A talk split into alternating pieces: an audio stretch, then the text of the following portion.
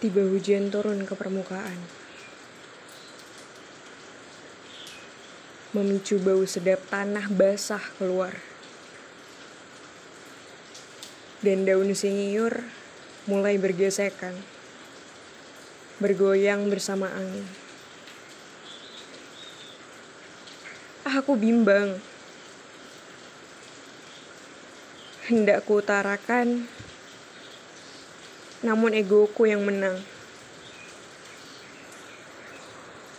Aksa tidak bisa. Rembulan tidak merestuinya. Dan yang harus kuterima adalah fakta bahwa Lara ini hanya milikku. Karena ternyata mencintai dalam diam sungguh menyakitkan.